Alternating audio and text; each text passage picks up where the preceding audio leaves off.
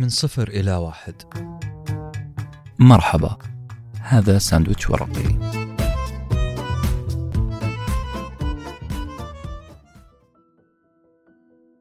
قصة نجاح ال PayPal قصة تستاهل أن تروى. هي ما هي قصة للتسلية بل هي خارطة نقدر نفهم من خلالها كيف هو سوق اليوم. أي إنسان حاب يدخل سوق المشاريع الريادية ويصنع اسم جديد في السوق لازم لازم يسمع قصة ستة أشخاص. تحولوا بخطط محكمة إلى ستة مليارديرات. واحد منهم مؤلف كتاب من صفر إلى واحد بيتر ثيل. هنا أنس بن حسين وبودكاست ساندويتش ورقي. استمتعوا معنا بلذة المعرفة. قبل ما نبدأ نتكلم عن هؤلاء الستة أشخاص اللي ذكرتهم في البداية لازم نعرف إيش هي شركة PayPal إيش حصل لها كيف دخلت السوق كيف قاومت واستطاعت أن تجتاز كل العقبات اللي واجهتها في الطريق.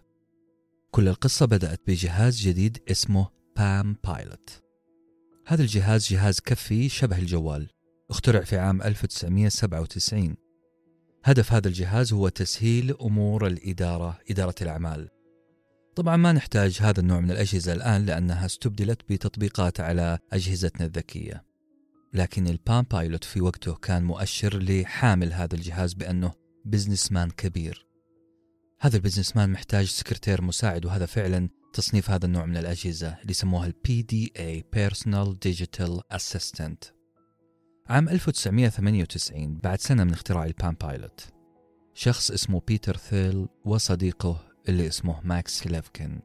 هذول الاثنين فكروا في تطوير تقنية تساعد الناس إنها تدفع لبعض فلوس عن طريق الأجهزة الحاسوبية ولهذا الغرض اخترعوا جهاز اسمه ال Palm Pilot. يعني هذا بنك إلكتروني.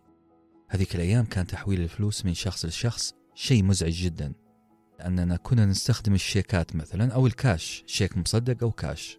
وإذا مرة كنت إنسان قمة في الشجاعة حترسل فلوسك عن طريق البريد. البريد العادي موظف بريد يشيل الفلوس ويوصلها إلى صاحب المصلحة.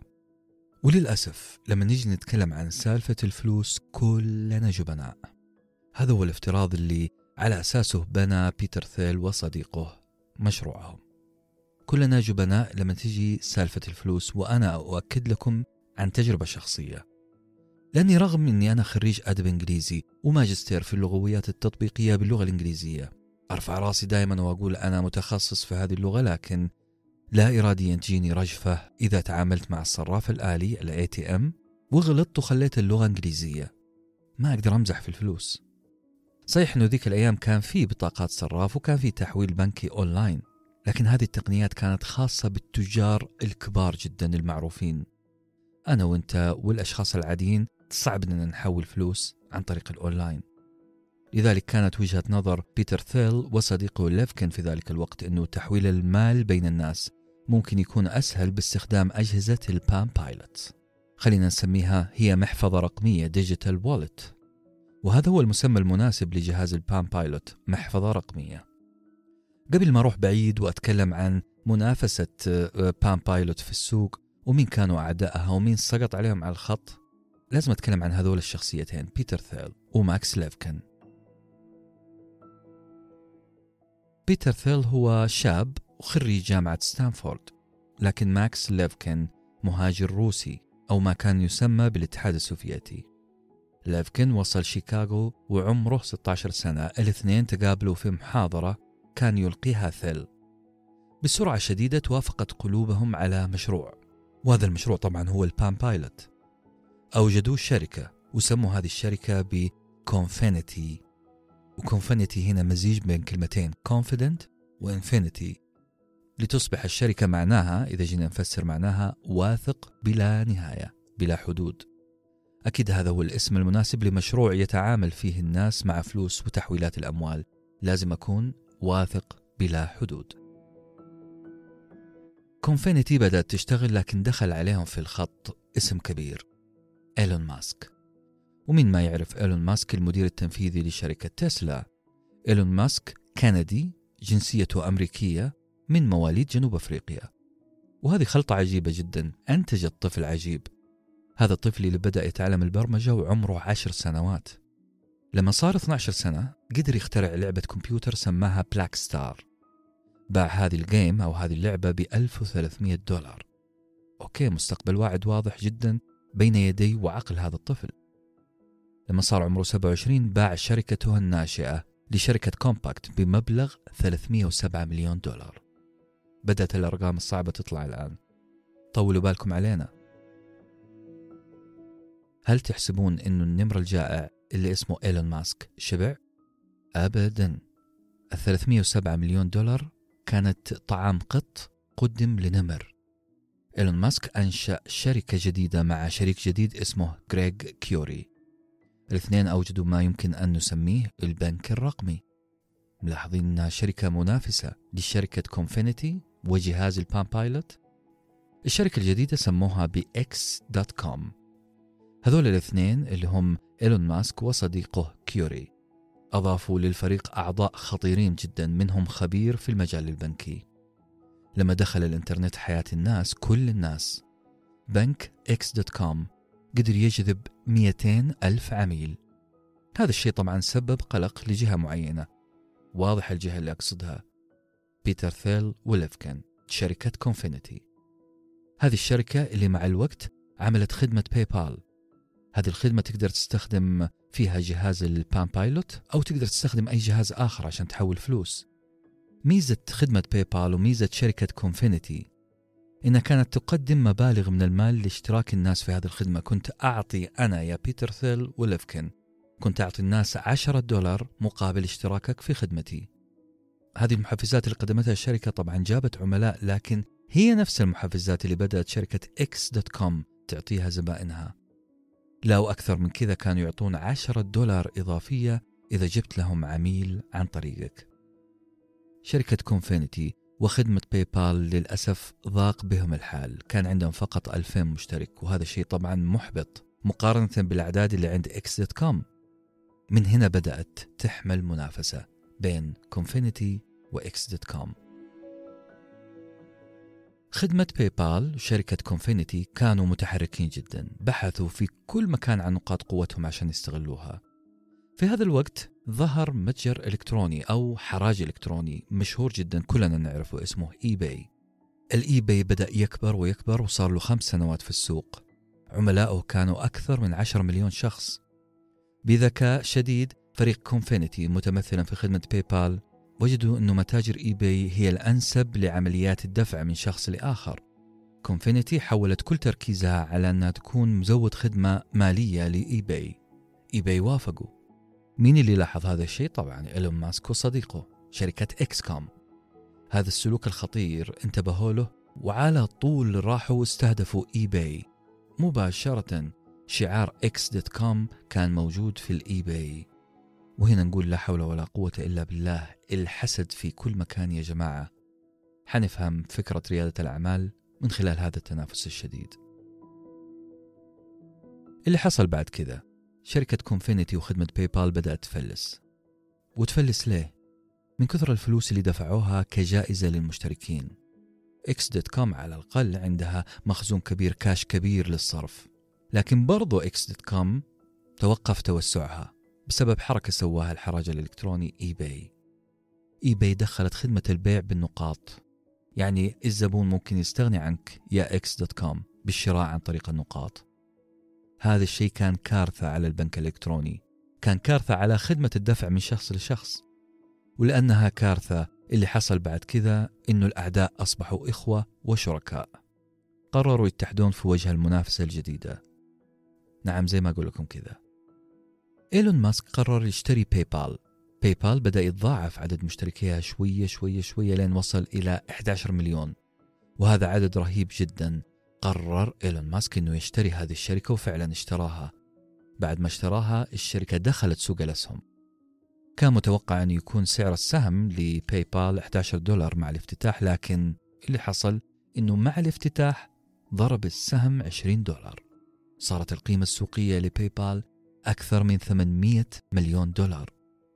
PayPal سيطرت على سوق الشراء الإلكتروني. حتى eBay بنفسها فشلت فكرة البيع بنقاط عندها. وقالت إحنا راح نجيب من الآخر وحنشتري ال PayPal نجحت ال PayPal في استفزاز الحراج الإلكتروني اللي اشترى فعلا الشركة وانعرض عليهم مبلغ مليار ونص المليار. وهذا تقريبا ضعف قيمتها السوقية مبلغ مخيف صح ولا لا؟ لا لا أبدا ما هو مخيف ولا شيء لأنه قيمة باي بال الآن الآن تتجاوز 100 مليار دولار. يعني 100 ضعف مشتراهم. وهذا شيء يلحس الدماغ بصراحة. الشاهد في الموضوع كل واحد من هؤلاء الشركاء أخذ فلوسه وانطلق في مشروعه الناشئ الخاص. إيلون ماسك أخذ فلوسه وعمل سبيس إكس عشان يحقق حلمه ويغزو الفضاء. وإيلون ماسك معه حق يفكر في الفضاء بعد ما انتهى وأنهى الأرض وكون ثروة تقدر ب 21 مليار دولار. بيتر ثيل اللي طلع بأكثر من 50 مليون دولار استثمر فلوسه في مشاريع ناشئة كثيرة زي الفيسبوك مثلا. بعد ما اشترى حصته وباعها بعد كذا طلع الرجل من الشركة تقريبا في جيبه أو بالأصح في بنوكه. يتكدس مليار دولار. الشركاء الباقين منهم من عمل يوتيوب ومنهم من عمل لينكدين ولا أنسى الروسي ماكس لافكن. الشيطان صاحب الفكرة الأولى فكرة ال Palm Pilot فاكرينه الجهاز الكفي؟ هذا الروسي أخذ نصيبه وأسس شركة Slide dot com وباعها بعد كذا على جوجل تقريبا بمبلغ 200 مليون دولار. تعبتوا زيي من الأرقام تعبتوا من الملايين اللي قاعدة تتطشر يمين وشمال. خلونا نوقف هنا ونسأل هل أنت جاهز الآن لسماع آراء هؤلاء الناس في المشاريع الناشئة؟ هل تحب تعرف كيف فكروا وما هي الشروط اللي وضعوها عشان يطير مشروعهم في السماء؟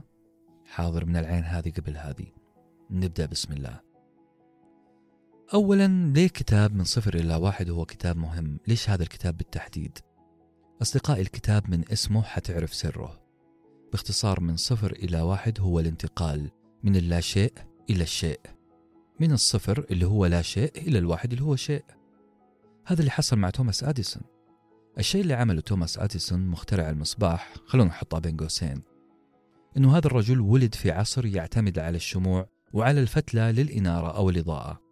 لو أديسون فكر في استخدام الشمعة مثلا بطريقة خلاقة لو حاول يعظم ويضاعف ضوءها لو حاول يطول عمرها لو استخدم اختراعات لا زالت تعتمد على الشمعة والفتلة في إضاءتها فتوماس أديسون ما بدأ من الصفر بدأ من الواحد. لأنه اعتمد على قواعد لعبة الإنارة نفسها اللي موجودة في السوق وانطلق منها إلى ما لا نهاية من اختراعات. لكن لا أديسون انطلق من الصفر ومرة ثانية أديسون بين قوسين لأنه في كلام كثير عن هذا الرجل. أديسون بدأ من فكرة مبتكرة وليس تطوير فكرة موجودة. فكرة من الصفر. هذا الشيء اللي عمله باختراع المصباح الكهربائي من صفر إلى واحد. هو الدرس اللي الكتاب يحاول ينبهك عليه وحاول يعطيك شروطه. وكيف ينجح ويجذب المستثمرين. أنا وإنت وأي إنسان يحلم بمشروع ناشئ يكسر الدنيا. هذا الكتاب مناسب لك؟ أنا وإنت نحاول نأسس مشاريع ذات فكرة مبتكرة بدل تطوير فكرة موجودة مسبقا. مؤلف الكتاب هو بيتر ثيل. قلنا هو شريك مؤسس في شركة باي بال الكتاب في الأساس عبارة عن ملاحظات أخذها طالب من محاضرات لبيتر ثيل في جامعة ستانفورد. في 2014 تحولت هذه الملاحظات إلى كتاب. هذا الكتاب عبارة عن توصيات بيتر ثيل. لو كنت تحب تعمل business ويستثمر هذا الرجل في مشروعك بالعربي. بيتر ثيل في الكتاب يقول لك بالحرف الواحد. لو مشروعك فيه مجموعة عناصر محددة فأنت راح تغري المستثمرين الجريئين للاستثمار في مشروعك. كيف تكون مغري للمستثمرين الإجابة تطول لكن أول إجابة نقدر نقول لازم يكون مشروعك من zero to one من صفر إلى واحد فكرة مبتكرة ما هو تكرار لمشاريع سابقة بالعربي الفصيح السهل الممتنع أهم عنصر من عناصر لفت انتباه المستثمر لك هو احتكارك لفكرة مبتكرة. العنصر الأول الفكرة المبتكرة والاحتكار. خلونا الآن نشرح بعض المصطلحات الخاصة بريادة الأعمال، مصطلحات مهمة وتحتاج نبش كثير. ليه بيتر ثيل حط هذا الشرط؟ ليه الفكرة أفضل إنها تكون جديدة بدل ما تكون فكرة موجودة وإحنا بنطور الخدمات اللي نقدمها؟ عنده أسباب منطقية، أولاً البداية من الصفر معناها أنت أخذت الناس من مستوى لمستوى قدمت للناس خدمة جديدة كانت غايبة عنهم أنت كذلك ما دخلت سوق جديد نموك راح يكون سريع لو دخلت سوق قديم لو دخلت تقدم خدمات زي باقي الناس نموك راح يكون أبطأ لأنه أوريدي في منافسين كثير لك في السوق وبعضهم أكبر منك بمراحل. ثيل ركز على كلمة مونوبولي أو احتكار في كلامه. ما تعتقدون أنه كلمة احتكار هي كلمة سلبية جدا عند أي سامع؟ أنا من ضمن الناس اللي ما أحب كلمة احتكار لأنها صورت لنا أو لا زالت تتصور لنا وتتجسد لنا في صورة سلبية تماما. لكن هنا لازم نضع كلمة احتكار في سياقها الصحيح. في عالم هادئ ساكن ثابت الاحتكار هو دمار للاقتصاد. لكن في عالم متحرك زي اللي نعيشه اليوم حجم المنافسة فيه كبير جدا سرعته غير طبيعية. لازم تكون خدمتك أو شركتك بعيدة تماما عن المنافسة. لازم تنطلق في عالمك وخدماتك بعيدة عن كل الدنيا. جوجل مثلا جوجل ما تنافس فيسبوك. واحدة محرك بحث. وخدمات بحثية زي جوجل بينما فيسبوك وسيلة تواصل اجتماعي. صحيح أنه بعض الخدمات تتداخل فيما بينهم لكن برضو كل واحد عنده عالمه الخاص وبدأ يحتكر هذه الميزة أو هذه الخاصية في السوق. ثاني حاجة كلمة احتكار. اللي يقصدها ثيل مو معناها أنك تمنع كل الدنيا من مشاركتك التجارة نفسها. مو أنك تكسر عظام الناس مو أنك تمنع بالقانون بلي الذراع لا. الفكرة أنك تحتكر بأنك تروح بعيد بخدماتك لمكان صعب أحد يوصل مواصيلك. كأنك احتكرت الخدمة كأنك. مين مجنون الآن ممكن يعمل محرك بحث ينافس جوجل؟ ما في أحد. جوجل احتكرت بإمكانياتها العظيمة خدمة البحث. في النهاية نقول الاحتكارية اللي ذكرها ثيل المفروض نسميها اسم جديد يناسب أو يقرب شوية من فهمنا لهذه الكلمة. نقدر نقول مثلا الاحتكار بالتفوق. جوجل ما راح تسمح لأحد بأنه ياخذ جزء بسيط من نسبتها في السوق. مو بالقانون مو بالتشبيح. أنت ما حتقدر تاخذ زباين جوجل ولا حتقدر تنمو بسرعة هذه الشركة العظيمة مهما عملت لأنه جوجل راحت بعيد. احتكرت ثقتك وولائك لهذه الخدمة. صديقي وصديقتي لو حبيتم تغرون مستثمر جريء ال venture capitalist. احتكروا بالتفوق قدر الإمكان. خليني أوضح الآن أنه مو بس بالتفوق أنت راح تحتكر سوقك. خلينا نتكلم شوية في رأس المال المخاطر أو الجريء فينشر كابيتالست رأس المال المخاطر أو الجريء هو وجه من أوجه الاستثمار الجديد جدا. لكن السؤال هنا إيش اللي يصير في هذا النوع من الاستثمارات؟ خليني أضرب مثال. هي شركة ضخمة تقوم بتمويل الأفكار اللي يعجز المشروع الريادي عن تمويلها. إذا في شركة ضخمة راح تستثمر في مشروع صغير لكنه ينبئ بنمو وتضخم رهيب. والمشروع الريادي هذا اللي حيتم الاستثمار فيه قد يكون تطبيق أفكار علمية بحثية إلى آخره. لأنه المستثمر العادي الطبيعي اللي نعرفه كلنا صعب صعب جدا أنه يستثمر في فكرة مجنونة وخطيرة. هو تعود على أنه يشوف البضاعة قدامه ويقرأ السوق ومعطيات السوق اللي موجودة حاليا عيانا بيانا. المشروع الجديد اللي فكرته رائدة وغير مدروسة مسبقا في السوق وغير مجربة بالأصح فيه مخاطرة كبيرة. لذلك المستثمر العادي مستحيل أو يمكن صعب جدا أنه يرمي فلوسه في هذا المشروع. الممول المخاطر هو الوحيد اللي يقدر يعمل هذا الشيء. حيدخل شريك في هذه الشركة وحيتحمل الخسارة في حالة خسارة المشروع. المبلغ هنا ما هو دين بل شراكة مع شركة رائدة متوقع لها النمو السريع. فكرة التنافسية هي لب ما يحاول ثيل قوله في موضوع الاحتكارية. التنافسية. كل ما زاد منافسينك في السوق كل ما قلت قيمتك السوقية. وعشان تخلق الاحتكارية هذه وتبعد كل المنافسين عنك ركز على استهداف شريحة محددة في البداية. ركز في البداية على شريحة صغيرة. بعدها توسع في شرائحك زي ما سوت أمازون. أمازون بدأت تبيع كتب في البداية. كلنا نعرف أمازون. الكتب أسهل في نقلها ثانيا سهل في توصيفها ما فيها مقاسات X large small medium ما حيجيك عميل يقول لك لون الكتاب هذا ما عجبني أو مقاسه أكبر من مقاسي لا. ما فيها اللخبطة هذه. بيزوس مالك أمازون انتقل بعد الكتب هذه إلى مرحلة ثانية بدأ يبيع أغراض أخرى. وأصبحت أمازون ما هي عليه الآن. ابدأ صغير هذا كلام ثيل. ابدأ صغير ركز على شريحة واضحة ثم انمو عناصر الاحتكارية اللي تكلم عنها الكاتب في هذا الكتاب اللي تخلي لعاب الممولين يغرق الدنيا. أولا أنه يكون عندك تكنولوجيا ما هي عند غيرك. وهنا مو المقصود بتكنولوجيا أنك تكون مبرمج عظيم أو عندك جهاز لكشف النوايا السيئة أو أيا كان لا. التكنولوجي هنا هي ميزة فيك ما هي عند غيرك. هذا الكلام يقول أنه امتلاكك لتكنولوجي لتقنية ما هي عند أحد. راح يصعب على الناس أنها تقلدك. ما حد حيقدر يعمل زيك. أنت لوحدك عندك هذه الميزة. أنت اللي محتكر هذه الميزة. الشخص الاحتكاري في سياق ريادة الأعمال هو الشخص اللي يرغب فيه المستثمر. هو شخص ما ركز على الفلوس بل ركز على المنتج وعلى التوسع والاحتكار والتضخم والنمو والخدمة المقدمة. تقدر تتوسع تقدر تكبر وتوسع قاعدة عملائك؟ هنا أنت شخص مغري للمستثمر الجريء. هل تقدر تنسى شوية الربح وتركز على تميز خدمتك؟ إذا أنت احتكاري رائد في مجالك. هذا مؤشر قوي أنه أنت الشخص المطلوب بالنسبة للمستثمر الجريء. خلونا نلخص كلامنا عن الاحتكار أو بالأصح كلام بيتر ثيل عن الاحتكار ونقول خطوات صنع الاحتكار كالتالي. ابدأ بسوق صغيرة زي ما عملت أمازون. ابدأ بسوق محددة وشريحة محددة من الزبائن. اعمل بعدها ما يسمى بسكيلينج يعني تبدأ تكبر زي ما عملت أمازون برضو. وأخيرا لا تركز على المنافسين ركز على المنتج. ركز أنك تروح بعيد بفكرتك ومهارتك. طلع المنافسين من راسك وركز في احتكارك أنت. العنصر الثاني بعد عنصر الاحتكارية العنصر الثاني هو ال network effect تأثير شبكة المعارف. المثل العربي يقول جنة من غير ناس ما تنداس. وفي ريادة الأعمال نقدر نسقط هذا المثل ونقول خدمة من غير ناس أعرفهم ما تنداس ولا يندفع فيها فلوس. هل تقدر تخلي مجموعة ناس يعرفون بعضهم البعض يستخدمون خدمتك؟ هل تقدر تخلق حمى بين أصدقاء وتخلي هذه الحمى تدفعهم لاستخدام جهاز مثلا زي الآيفون؟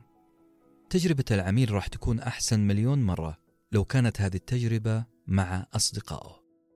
في فيسبوك مثلا ما خلوا العميل لحاله بل جمعوا له كل أصدقائه معاه. في واتساب أيضا.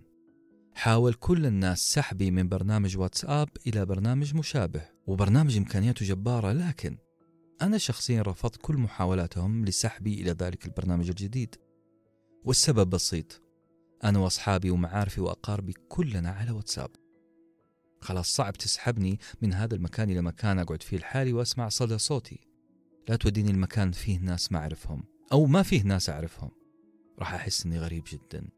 لذلك من جد خدمة من غير ناس ما تنداس. ركز على ال network effect زي ما قال بيتر ثيل. العنصر الثالث والأخير ويمكن الأهم بالنسبة لي بناء العلامة التجارية.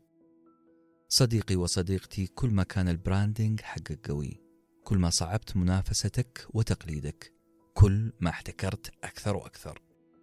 ولما أقول branding فأول شيء أول منتج يجي في بالنا طبعا هو أبل ال brand هو العلامة الفارقة المميزة اللي أول ما تشوفها بعينك أو تسمعها بإذنك تبدأ تتصور مجموعة خصائص محددة. ال branding هو صناعة هذه الصورة في أذهان الناس. اللي مسبب لنا إحنا كعرب مشكلة في فهمنا لل branding إنه ما له مصطلح مرادف أو موازي باللغة العربية. بعضهم يسمونه بأنه صناعة العلامة التجارية أو بناء العلامة التجارية نقبل هذا التعبير ونقول ال branding هو صناعة أو بناء العلامة التجارية. لكن اللي قاعد يحصل في السوق شيء يخوف في تطور رهيب خلى تعريف ال branding أوسع من مجرد بناء علامة تجارية. وما نقدر نتكلم عن ال branding إلا لما نعطيه تعريف سليم أو الأقرب للصحة لذلك نقول ال branding أو ال brand هي ماركة أو علامة مشهورة معروفة لها عملائها وجمهورها ومحبيها. الناس تتحرك مشاعرها كل ما شافت هذه العلامة. أبل زي ما قلنا هي ماركة معروفة في مجال الهواتف الذكية. بي إم دبليو في مجال السيارات ماكدونالدز في مجال الأكل أو وجبات السريعة وهكذا. كل واحدة منهم لها علامة تجارية. مو المقصود هو الشكل اللي تشوفه في الشارع فقط. هي عملية ربط هذه العلامة بمميزات. إيش أول ما يخطر ببالك لما تشوف علامة أبل؟ التميز على طول البساطة في التصميم والعظمة في الأداء. أنا ما أحمل مجرد جوال بل أنا أحمل جهاز له شنة ورنة. أنا أحمل جوال مصنف بعيد كثير عن باقي الجوالات. في نهاية القرن العشرين العملاء صار بينهم بين بعض المنتجات ارتباط عاطفي وذهني. كل عميل له مشاعر معينة تجاه هذه العلامات التجارية. مشاعر غير ملموسة طبعا إحساس عاطفة ارتباط ولاء. هذا الارتباط وهذه المشاعر نتيجة تجربتي لهذا المنتج. هذه التجربة خلت عندي توقعات معينة كلما استخدمت هذا المنتج كل ما رأيت العلامة. مثلا جودته ممتازة مستمر في الإنتاج الجيد تغليفه كان جيد ضمانه ممتاز السعر مناسب جدا. هذه كلها تجارب بيني وبين العميل خلقت مشاعر ارتياح بيني وبين المنتج. هذه المشاعر خلقت ولاء تجاه العلامة التجارية. كأنه وركزوا لي هنا وخطين ثلاث خطوط. كأنه عقد ضمني بينك وبين العميل. العقد يقول أنا كشركة لازم أغطي جزء من احتياجاتك أو احتياجاتك كلها. العلامة هي العقد اللي بينك وبين العميل. تذكر فيها العميل أنك ستحصل على الجودة بهذا السعر بهذه المواصفات. إذا صناعة العلامة التجارية هي كتابة عقد ولاء. وتعهد بينك وبين العملاء.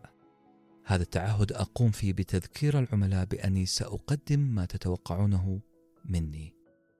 شركة أبل لها شعار سلوغن يقول Think Different من خلال هذا الوعد أو هذا الاتفاق أو هذا العقد أبل وعدتك وعدت العالم كله إنك راح تفكر بشكل مختلف. إنك إذا اقتنيت منتجي راح تكون شخص مختلف. هذا هو الوعد هذا هو العقد. أبل ركزت في منتجها على استخدام أبسط التصاميم وأفضل مواد تصنيع الجوالات والكمبيوترات هذا وعد آخر قطعته أبل وصار راسخ في عقول المستهلكين مين أبل؟ إيش يجي في بالي لما أشوف التفاحة المقطومة؟ تصميم أبسط بجودة أعلى كيف وصلت هذه العلامة التجارية أو هذا الوعد للناس؟ حملات دعائية ضخمة كاريزما ستيف جوبز سعر المنتج العالي بالمقارنة تجربة العميل ربط الصورة ربط ال slogan ربط المميزات بتجربة العميل. هذه العناصر ساعدت الناس في فهم الوعد وصنع علامة تجارية للمنتج. خلونا أصدقائي في النهاية نشوف ال branding من زاوية فردية أو زاوية رياضية. كريستيانو رونالدو وليونيل ميسي هم أشهر رياضيين الآن في كرة القدم أو العشر سنوات الماضية. رونالدو كان يحب يظهر أمام الناس على أنه الرياضي المتكامل جسديا صفر كوليسترول كما يقال عنه. الشاب اللي يهتم بتمارينه ونومه ابتسامته لامعة تسريحة شعره متسقة حتى لو كانت الدقيقة 90 من أي لقاء. لدرجة أنه الإشاعات كانت تقول أنه عنده مختص لتصفيف الشعر بل كان عنده مختص لتصفيف كل شعر على حدة. كل تفاصيل مظهره مهتم فيها. كل هذه الصور بالإضافة لمحتوى هذا اللاعب. أقصد أداؤه الخرافي في الملعب. كل هذه الأشياء ساهمت في شعبيته الجارفة. هذا الشيء ساهم أنه يصنع بزنسه الخاص AKA CR7 ميسي في المقابل هو لاعب ركز كل جهوده في جعل كرة القدم لوحة فنية. ميسي عنده براءات اختراع في لعبة كرة القدم. الكثير يعتبره أعظم لاعب مر على ملاعب كرة القدم. ذكي مراوغ مرعب ما نختلف. في رأيي الشخصي ميسي لا يجوز مقارنته بأي أحد على ملاعب كرة القدم لأنه غير ملامح كرة القدم ولكن. لكن لو جينا نشوف الاثنين من ناحية تسويقية فبدون شك أن الأرقام تصب في مصلحة رونالدو. هذا حسب مقال قرأته عن صناعة العلامة التجارية في ملاعب كرة القدم. رونالدو عمل علامة تجارية من نفسه. خلق ولاء خلى أصحاب هذا الولاء يخرجون رونالدو من أي مقارنة بميسي الناس ما حبت رونالدو لأنه الأفضل في الملعب بل لأن رونالدو يمثل لهم شيء هل هو التكامل الجسدي؟ الأناقة؟ الانضباط في التمارين؟ عدم الانكسار؟ هذه الأشياء هي اللي تخطر في بال الناس بمجرد سماع اسم CR7 خلونا نشوف كيف رونالدو سخر وسائل التواصل مقارنة بميسي. هذا التقريب ما هو محدث لكنه يصف حالة رونالدو وميسي بشكل عام. رونالدو عنده 124 مليون متابع. ميسي عنده 90 مليون متابع. في انستغرام. posts رونالدو فوق ال 2000 بينما ميسي أقل من 300 في فيسبوك لا تختلف الأرقام عن انستغرام.